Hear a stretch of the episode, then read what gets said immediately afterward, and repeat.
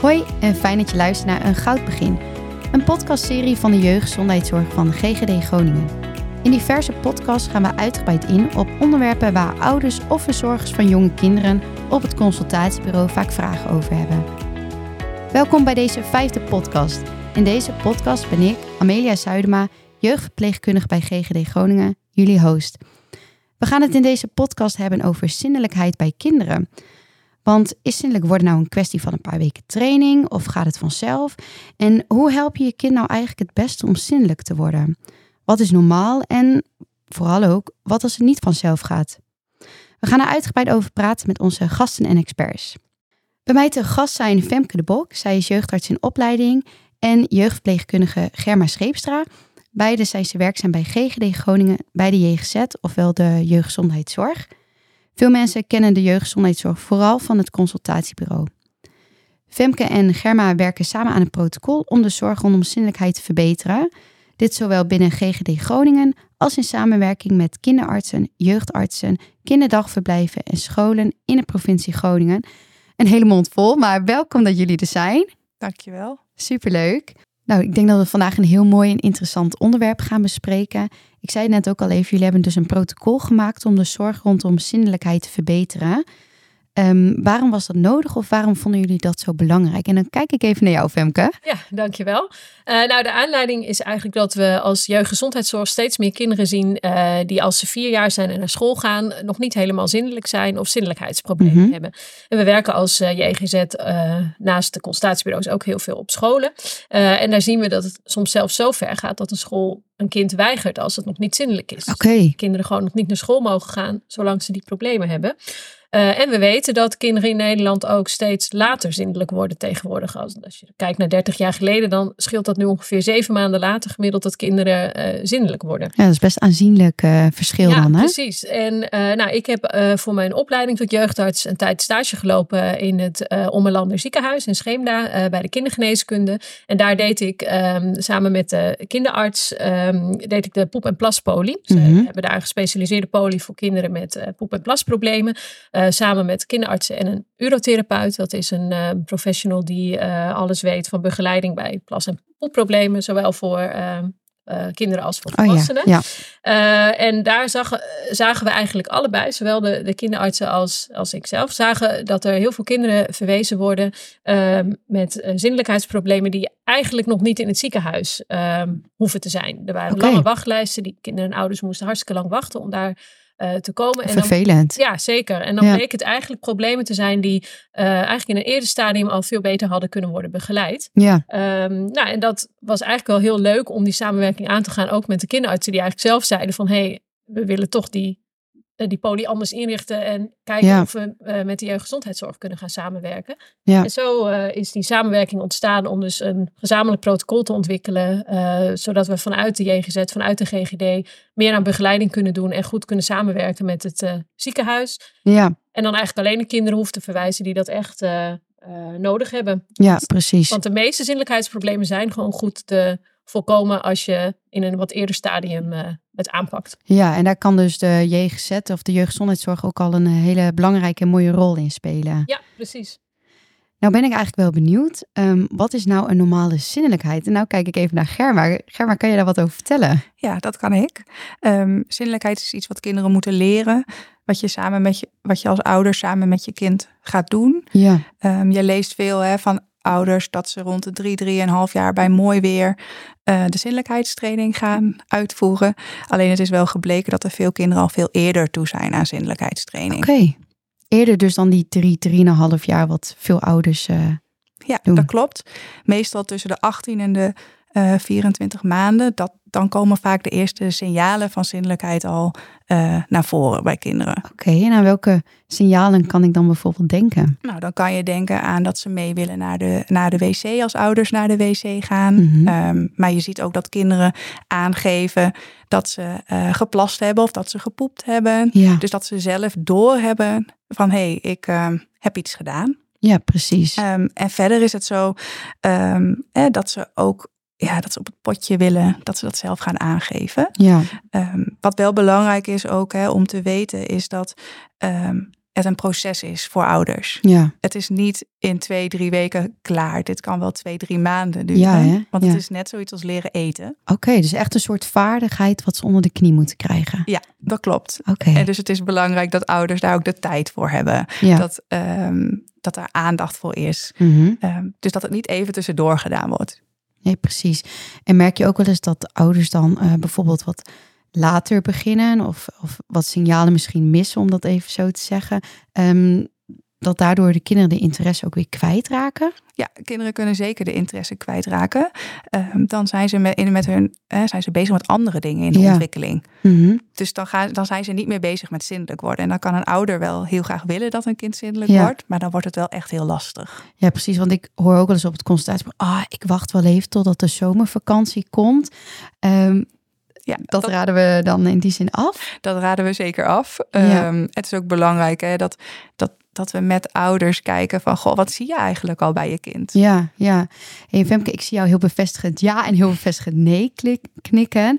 Ehm, kan jij er nog wat meer over aanvullen? Eh, ja, dat kan ik kort doen. Ehm, inderdaad, het, het advies is echt: begin eh, niet te vroeg, maar begin Mhm. ook zeker niet te laat. Want het is ook goed je te realiseren als ouder dat hè, zinnelijk eh, worden als kind, dat betekent dat, je, dat een kind voelt dat het moet plassen of poepen. Ja, dat het kind dat herkent. Hè, daar heeft Germen net alles over verteld. En dat het kind dan ook gaat plassen of poepen op de plek die er geschikt voor is. ja, dus daar is het kind moet er klaar voor zijn, maar kan daar ook zeker de interesse verliezen. Dus ja, dat advies begin niet te vroeg, maar zeker ook niet te laat. Nee. Dat eh, moeten we in de oren knopen. ja. En is het dan ook een vrij kwetsbaar proces, eh, Femke?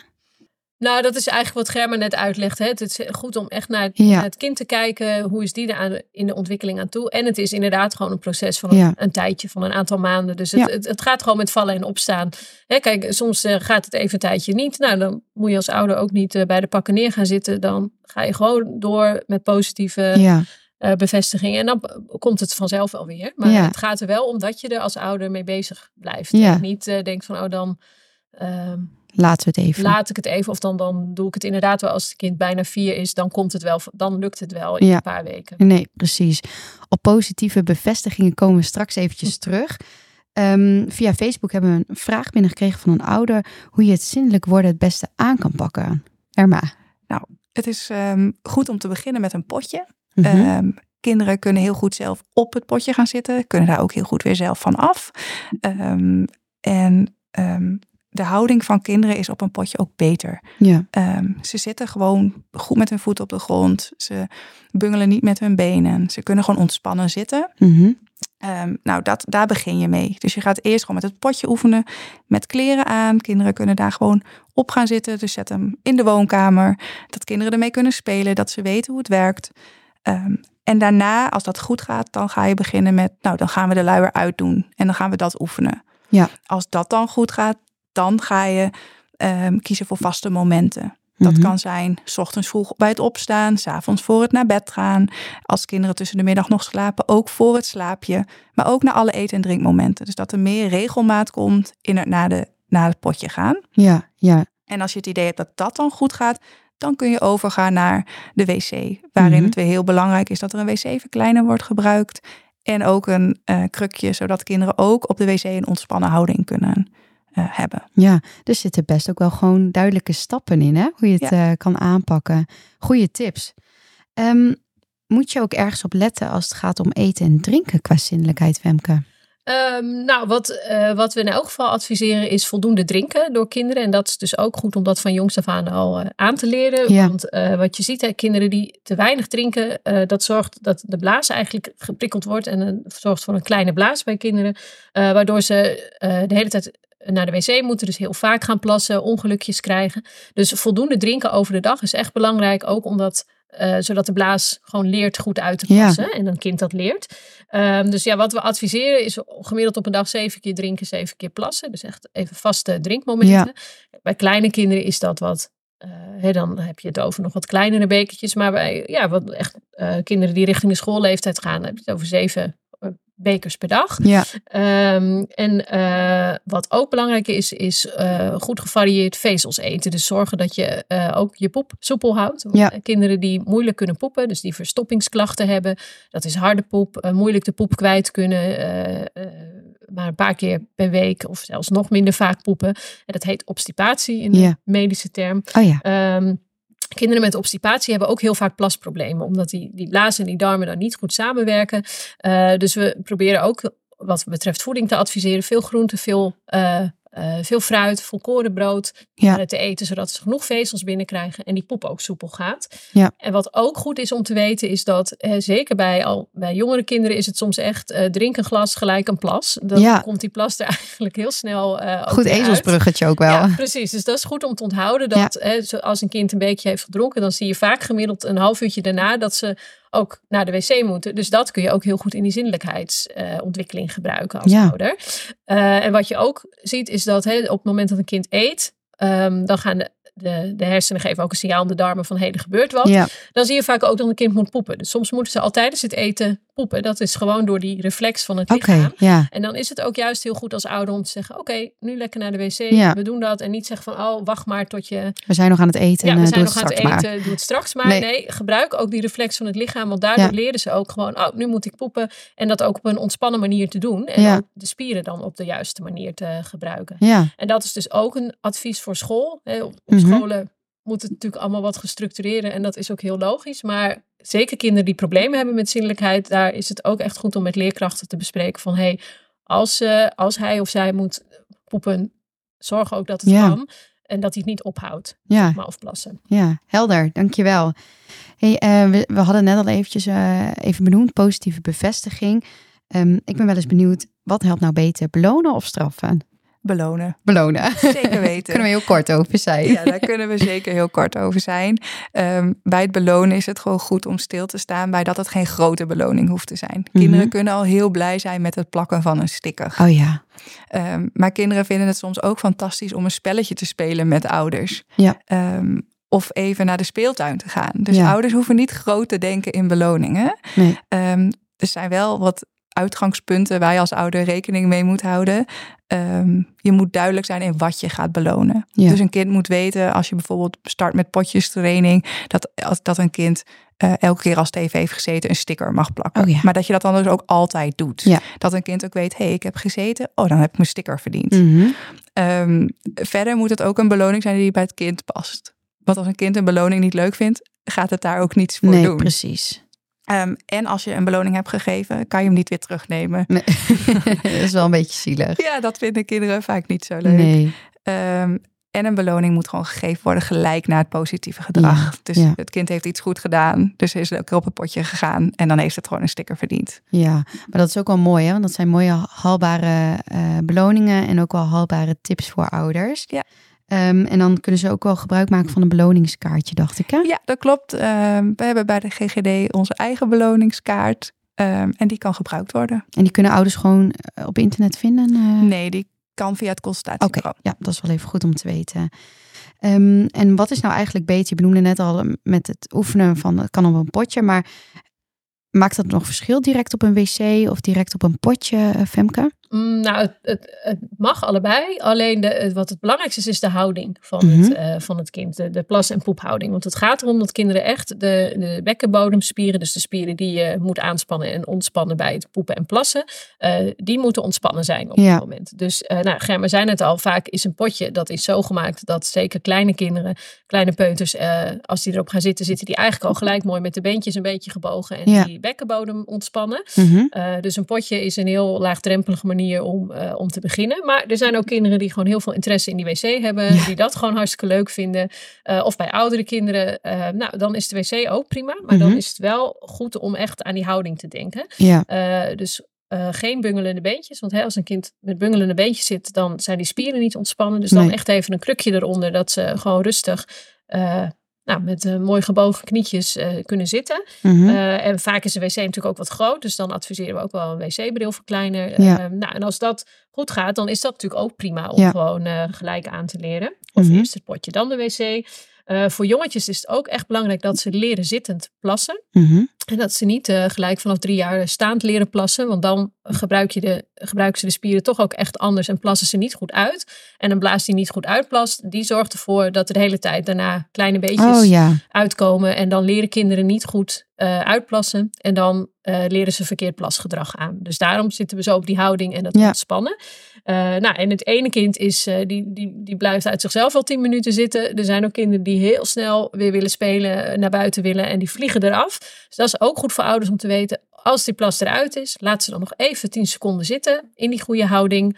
Eh, dus bijvoorbeeld even nou, tot 10 tellen samen, of een liedje zingen, of even uitblazen, Ja. fluiten, noem het maar. Maar dat ze echt even nog die ontspanning pakken om het laatst. Soms komt er dan toch nog een klein beetje eh, plas uit. Ja, Ehm, en ja, kinderen die eh, echt moeite hebben met de houding, adviseren we om de, eh, de onderarmpjes op de knieën te leggen met een, de handen in een kommetje naar boven. Dat is ook wel een mooie houding waar ze automatisch ontspannen zitten en wat je als ouder ook goed, eh, goed voor kan doen. ja, Dus ja, neem daar ook als ouder en kind de tijd voor samen. Maak daar ook een leuk momentje voor. Daarna natuurlijk de beloning waar Germa het net Ja. over had. mhm. Maar niet dat het zo haastig moet en van oh, we moeten nu weg. En nog even snel plassen. Maar Nee. probeer zeker in het begin echt die, eh, die tijd ervoor te nemen en die ontspanning eh, te krijgen bij de kinderen. Ja, precies. Ja, dus wat je zegt van hè, houding is dus heel belangrijk, maar ook dat je echt even de tijd voor neemt om het ook goed te leren. Ja, en uitplassen. En eh, uitplassen, uitplassen, ja, heel goed. En eh, oma geeft via de Instagram aan dat haar kleindochter, die is bijna vier, en die eh, moet naar de basisschool. Maar het lukt de ouders nog niet om haar echt zinnelijk te krijgen. Wat nu? En ehm, kunnen jeugd, jeugdverpleegkundigen op het consultatiebureau hierbij helpen? Nou, dat kan zeker. Wij zien best vaak kinderen van drie of drie jaar en negen maanden eh, die gewoon nog niet zindelijk zijn. Dus het is Mhm. niet een eh, gekke vraag, want hij komt geregeld voor, Ja, voorbij. En eh, wij kunnen daarin zeker wat betekenen. Ehm, weet je, je ziet vaak dat het uitgestelde zinnelijkheid is. Ehm, uitgestelde zinnelijkheid. ja, dus dat je ermee wacht om kinderen zindelijk te worden. Dus ja. dan ben je eigenlijk te laat. Ja. Want dan heb je de signalen vaak gewoon gemist ook. Ehm, en het is belangrijk om dan samen met ouders, nou, eh, toch te gaan kijken naar ehm, hoe is het gegaan met het zinnelijkheidsproces. Ja. Dus waar ben je al begonnen? Wat heb je al gedaan? Of is er nog niks gedaan? Want dat kan natuurlijk ook. Ja. Ehm, dat is gewoon heel belangrijk om daarnaar te kijken. Ja, en, en gaan jullie dan ook bijvoorbeeld wel eens naar ouders thuis? ehm, of, of komen ouders met name bij jullie op het consultatiebureau voor dit soort vragen? Nou, meestal komt dat naar voren tijdens het consult bij ons als jeugdverpleegkundige. Dus als kindjes drie zijn of als ze bijna vier zijn. Mhm. Ehm, dan wordt er namelijk altijd gevraagd naar de zinnelijkheid. ja, Ehm, en dan komen we ook wel thuis bij ouders. ja, Want een zinnelijkheidsprobleem is vaak niet in 20 minuten opgelost. nee. Ehm, dan kiezen we er vaak voor om bij ouders thuis te komen. Mhm. Vaak vragen we wel aan ouders om dan de komende periode, voordat we thuiskomen, alvast het een en ander bij te houden. Dus hoe vaak plassen ze? Hoe vaak poepen ze? Hoe ziet dat er dan uit? Een soort dagboekje. Een soort dagboek ja. laten we ouders dan invullen, want daar kan je het dan met ouders ook over hebben. Oké. Ehm, want soms blijkt bijvoorbeeld dat het niet lekker gaat met het drinken. Mhm. Maar soms blijkt het ook dat een kind bijvoorbeeld niet goed poept en dat het daardoor niet zindelijk eh, Oh, wordt, ja. omdat het poepen in de weg zit. Ja. Ehm, en dan is dat een probleem wat eerst aangepakt moet worden. Mhm. Ehm, dus we kijken heel erg met ouders, wat past er bij je kind, maar wat past er bij het gezin? Want het ene gezin heeft misschien minder tijd om met beloningssystemen te werken. Ehm, dus eigenlijk is de aanpak bij elk gezin wel anders. Ja, ja, Elk kind heeft wat anders nodig en alle ouders hebben ook wat anders nodig. ja. Ja, mooi inderdaad dat je dan ook op het consultatiebureau daar tijd voor kunt nemen. En ik denk ook dat we dan een beetje terugkomen dat ouders dus ook niet vroegtijdig hoeven doorverwezen te worden. Maar dat je eerst met dit soort vragen dus bij de eh jeugdgezondheidszorg kunt eh, aankloppen. Absoluut. En, en kan je verder nog iets meer vertellen over de begeleiding, eh Germa? Zeker. Ehm, we gaan eigenlijk altijd eerst terug naar alle standaardadviezen. Dus hoe zit een kind op de wc? Mhm. Ehm, neemt het daar de tijd voor? Ehm, gaat het even een liedje zingen na die tijd? Of is een kind binnen drie tellen toch weer terug in de woonkamer en heeft het niet uitgeplast? Mhm. Ehm, daar kijken we naar. Ouders kunnen ons eigenlijk altijd heel laagdrempelig bellen of eh, bereiken. Als ze vragen hebben tussendoor, kan dat altijd. Ja, Ehm, vaak trekken we zo'n drie tot vier huisbezoeken echt wel uit voor de begeleiding van eh zinnelijkheid. ja, Zodat je echt alle stappen, maar ook alle terugvallen. Want het gaat met vallen en opstaan, wat we Ja. natuurlijk al eerder hebben genoemd. ehm, gaan, we, hè, gaan we met ouders aan de slag. ja. Dus jullie nemen daar zelf ook echt de tijd voor, hè? Voor het Zeker, proces. Ja. Zeker, want het, wij weten ook dat het tijd nodig heeft. Dus het is mooi om ouders daar dan in mee te kunnen nemen. Ja, precies. Ja, heel mooi. Ehm, we hadden het al eventjes benoemd, ehm, de plas- en poeppolie. Ehm, Femke, wordt een kind wel eens verwezen naar een kinderarts of de eh, plas- en poeppolie? Ja, zeker. Als het, als het nodig is, dan verwijzen we of we overleggen in elk geval laagdrempelig uh, met de medewerkers van de poli. Um, maar hè, we, nou, wat Gerben net vertelde, die begeleiding, die, die zet je eerst in. En uh, nou, als jeugdarts worden we daar ook vaak in betrokken. Zeker mm -hmm. als het gaat inderdaad om poepproblemen, dus bijvoorbeeld verstopping, obstipatie. Ja, daar, dat moet wel behandeld worden. Dan hebben kinderen vaak extra vezels nodig. Dus daar kunnen we dan als jeugdartsen uh, bij helpen. en we kijken als jeugdartsen ook van, nou ja, zijn er nog andere zaken die meespelen? Bijvoorbeeld een kind wat heel angstig is om te poepen of plassen, die heeft ook net weer een andere insteek nodig. Ja, soms kan dat ook komen doordat ze één keer of twee keer op een hele vieze wc hebben geplast oh ja. of poept. En dat hoor je ook nog wel eens van scholen terug. Hè? Dat als de ja, hygiëne op de toiletten heel slecht is, dan ja, sommige kinderen reageren daar heel sterk op. Ja. Dus het maakt ook echt wel uit. Die wc-omgeving maakt ook gewoon uit voor het zindelijkheidsproces. Mm -hmm. um, en nou ja, dan moet je het ook wat anders insteken dan uh, de hele gewone begeleiding. Ja. Um, maar wij, wij, kijken ook naar echt wel um, signalen dat er uh, bijvoorbeeld medisch gezien meer aan de hand is. Dus als een kind echt hele ernstige verstopping heeft, of als het uh, kind bijna vier of boven de vier jaar nog steeds kleine beetjes poep verliest de hele tijd. Uh, ja, dat is ook echt een reden om een kinderarts mee te laten kijken. Mm -hmm. kinderen die bijvoorbeeld heel veel blaasontstekingen hebben, of die echt niet langer dan een half uur droog zijn, of de hele dag maar doordruppelen. Ja, dat, dat zijn dingen om te denken dat er toch misschien iets aan de hand is met de blaas zelf of met de, urinewegen, zeg maar. Ja.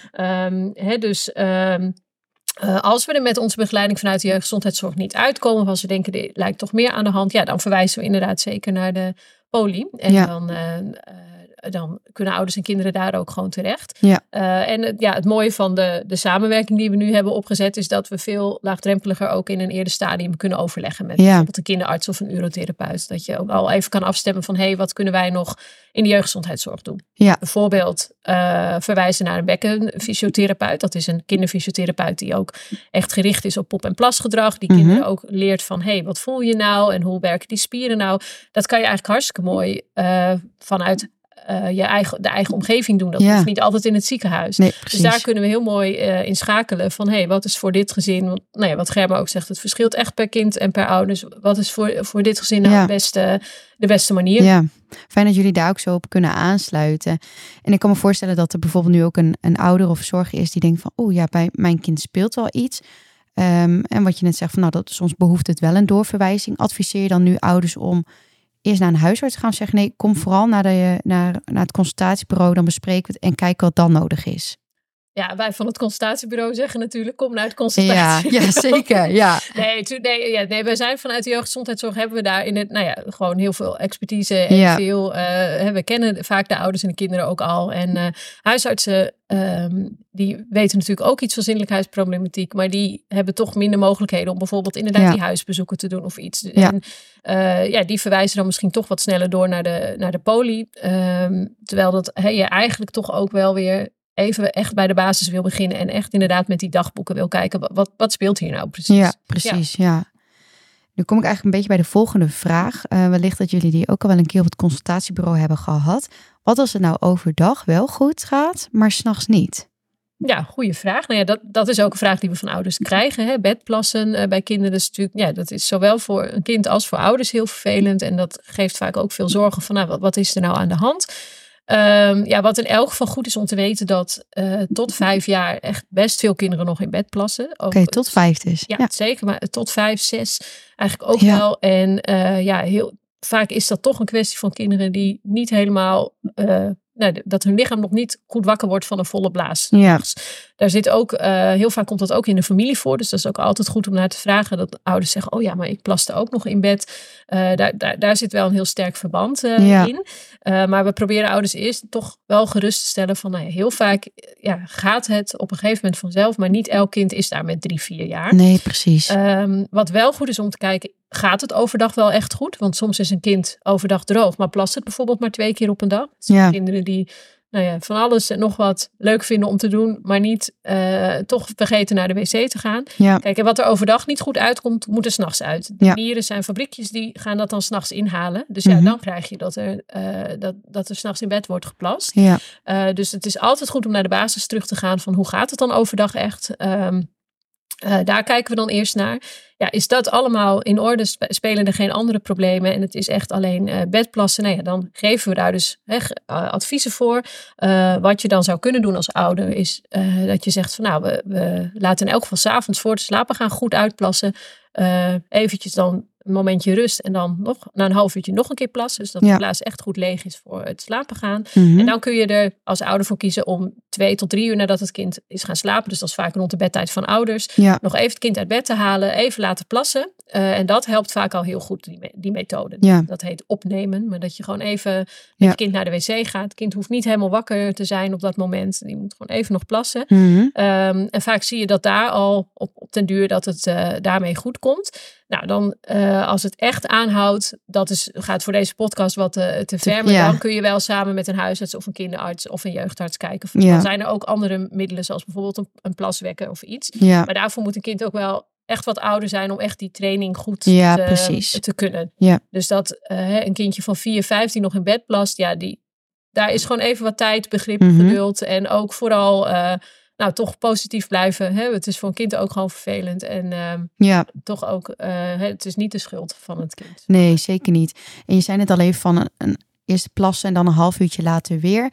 Um, heb je daar een, even een praktische tip voor ouders? Uh, kunnen ze dan eerst nog even beneden of zeggen, nou breng ze vooral gewoon lekker op bed en ze een boekje lezen? Um. Ja, meestal zeg ik van nou, uh, gewoon even in de, in, de, in de loop van alle tandenpoetsen, et cetera, ook plassen en dan even nog een half uurtje rust. Dus Ja. even een boekje lezen, inderdaad, dat is wel een goede tip. Kind zelf even boekje lezen of voorlezen. Ja. En dan nog even een keer naar de wc, dat even dat laatste stukje eruit is als het niet goed is uitgeplast. Ja, dan heb ik eigenlijk even een kleine zijvraag. Uh, kijk ook nog even naar jou, Femke. Ja. Soms hoor ik ook wel eens dat ouders zeggen van... Uh, uh, ja, thuis gaat het helemaal goed, het zindelijk. Maar als ze dan op school zijn of ergens anders...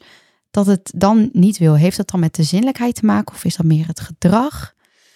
Ja, dat, dat hangt van heel veel dingen. Kan dat afhangen, inderdaad. Het, Ja. kan, het kan echt zijn dat kinderen inderdaad... ehm, ja, in een andere omgeving het moeilijker vinden, Mhm. wat angstiger zijn. Of dat, nou ja, soms inderdaad de vieze wc op school. Dat Oh ze ja. gewoon niet gaan op school bijvoorbeeld. Dat horen we ook nog wel eens. Dat de kinderen dan stiekem eigenlijk de hele dag niet, eh, Nee. niet zijn geweest. Ehm, te druk met andere dingen. Dus ja, dat, dat zijn zeker dingen om uit te vragen. Om te kijken van, en ook met het kindje zelf. Van, hey, hoe, hoe doe je dat dan? Hoe Ja. gaat dat dan? En ehm, eh, ja, vaak komen daar dan dingen uit die je eigenlijk prima eh, kan aanpakken. Ja, ja. Ehm, eh, maar ja, ook dat. Daar zijn ook die dagboeken en die vragen en die de gewone begeleiding heel belangrijk heel voor. Dat goed. we gewoon alles langs gaan van hé, hey, wat, eh, ja. wat speelt er nou? Ja, ja. Germa, kijk ik even weer naar jou. Hoe is het voor kinderen om een zinnelijkheidsprobleem te hebben? En natuurlijk ook voor ouders en nou, scholen eh, bij. Ja, voor scholen is het natuurlijk heel lastig. Zeker als je een klas met eh 30 peuters hebt en kleuters, waarvan de helft niet zindelijk is, is dat gewoon echt wel een probleem. Ja, Um, en dat horen we ook op steeds meer scholen, dat er steeds meer kinderen naar school gaan die dus nog niet zindelijk zijn. Um, voor ouders is het lastig, um, want je moet met school kijken hoe ga ik dan toch mijn kind naar school laten gaan. Soms ook wel wat schaamte, zo van goh, mijn kind is eigenlijk helemaal nog niet zindelijk, wat lastig is. Maar voor kinderen is het ook vervelend, want kinderen kunnen er gewoon niets aan doen. Nee. Um, en dat is echt heel vervelend. Maar het belangrijkste is eigenlijk gewoon het positief blijven. Dus ook als het fout gaat, dan ben je gewoon positief. Het is Ja. vervelend, het is er, maar Mhm. besteed er gewoon niet te veel aandacht aan. Nee. Hup, natte kleren uit, schone kleren weer aan. En dan kan je gewoon weer verder met de orde van de dag. Ja, Dus ja. je moet er eigenlijk ook zo min mogelijk aandacht aan besteden. ja, precies. Dan eh, heeft het kindje misschien zelf ook een minste nou, schuldgevoel van. ja, eh, zeker. ja, En als ouders ook, hè, want als ouders hè, ben je dan wel eens even gefrustreerd als je voor de vijfde keer dezelfde dag weer schone kleren moet gaan aantrekken. Ja. Maar het kind kan er niks aan doen en dat is gewoon heel belangrijk om in je achterhoofd te houden. ja, dat is inderdaad wel goed om even in, eh, in onze oren te knopen. eh, Ja. Dat ze het niet expres doen. Absoluut. Ehm, en waar kunnen ouders terecht voor meer informatie of begeleiding? Nou, sowieso bij ons als JGZ, bij Ja. de verpleegkundigen of bij de jeugdartsen.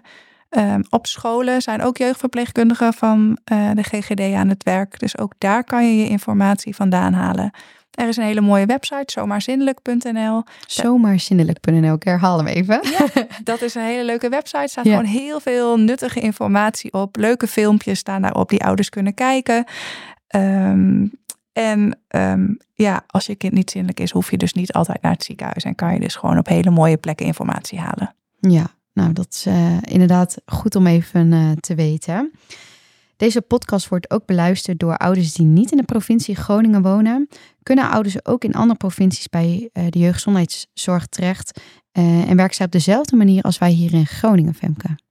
Uh, de ouders kunnen altijd bij de jeugdgezondheidszorg terecht. En in principe is zindelijkheidsbegeleiding ook gewoon iets wat elke JGZ, elke jeugdverpleegkundige, elke jeugdarts doet. Uh, een, een soortgelijke samenwerking durf ik niet voor elke regio zo te zeggen. Snap dat, ik. dat zal er niet zijn. Maar um, uh, ik weet, er zijn wel andere regio's die ook op deze manier al met kinderartsen werken. Zo is die website van Zomerzindelijk .nl is ook zo tot stand gekomen toevallig. Ja. Dus dat, um, ja, dat hangt ook heel erg van de regio af. Maar ouders kunnen, he, elke ouder en elk kind kan gewoon bij de JGZ uh, terecht. Ja, nou dat is hartstikke fijn denk ik voor ouders om te weten.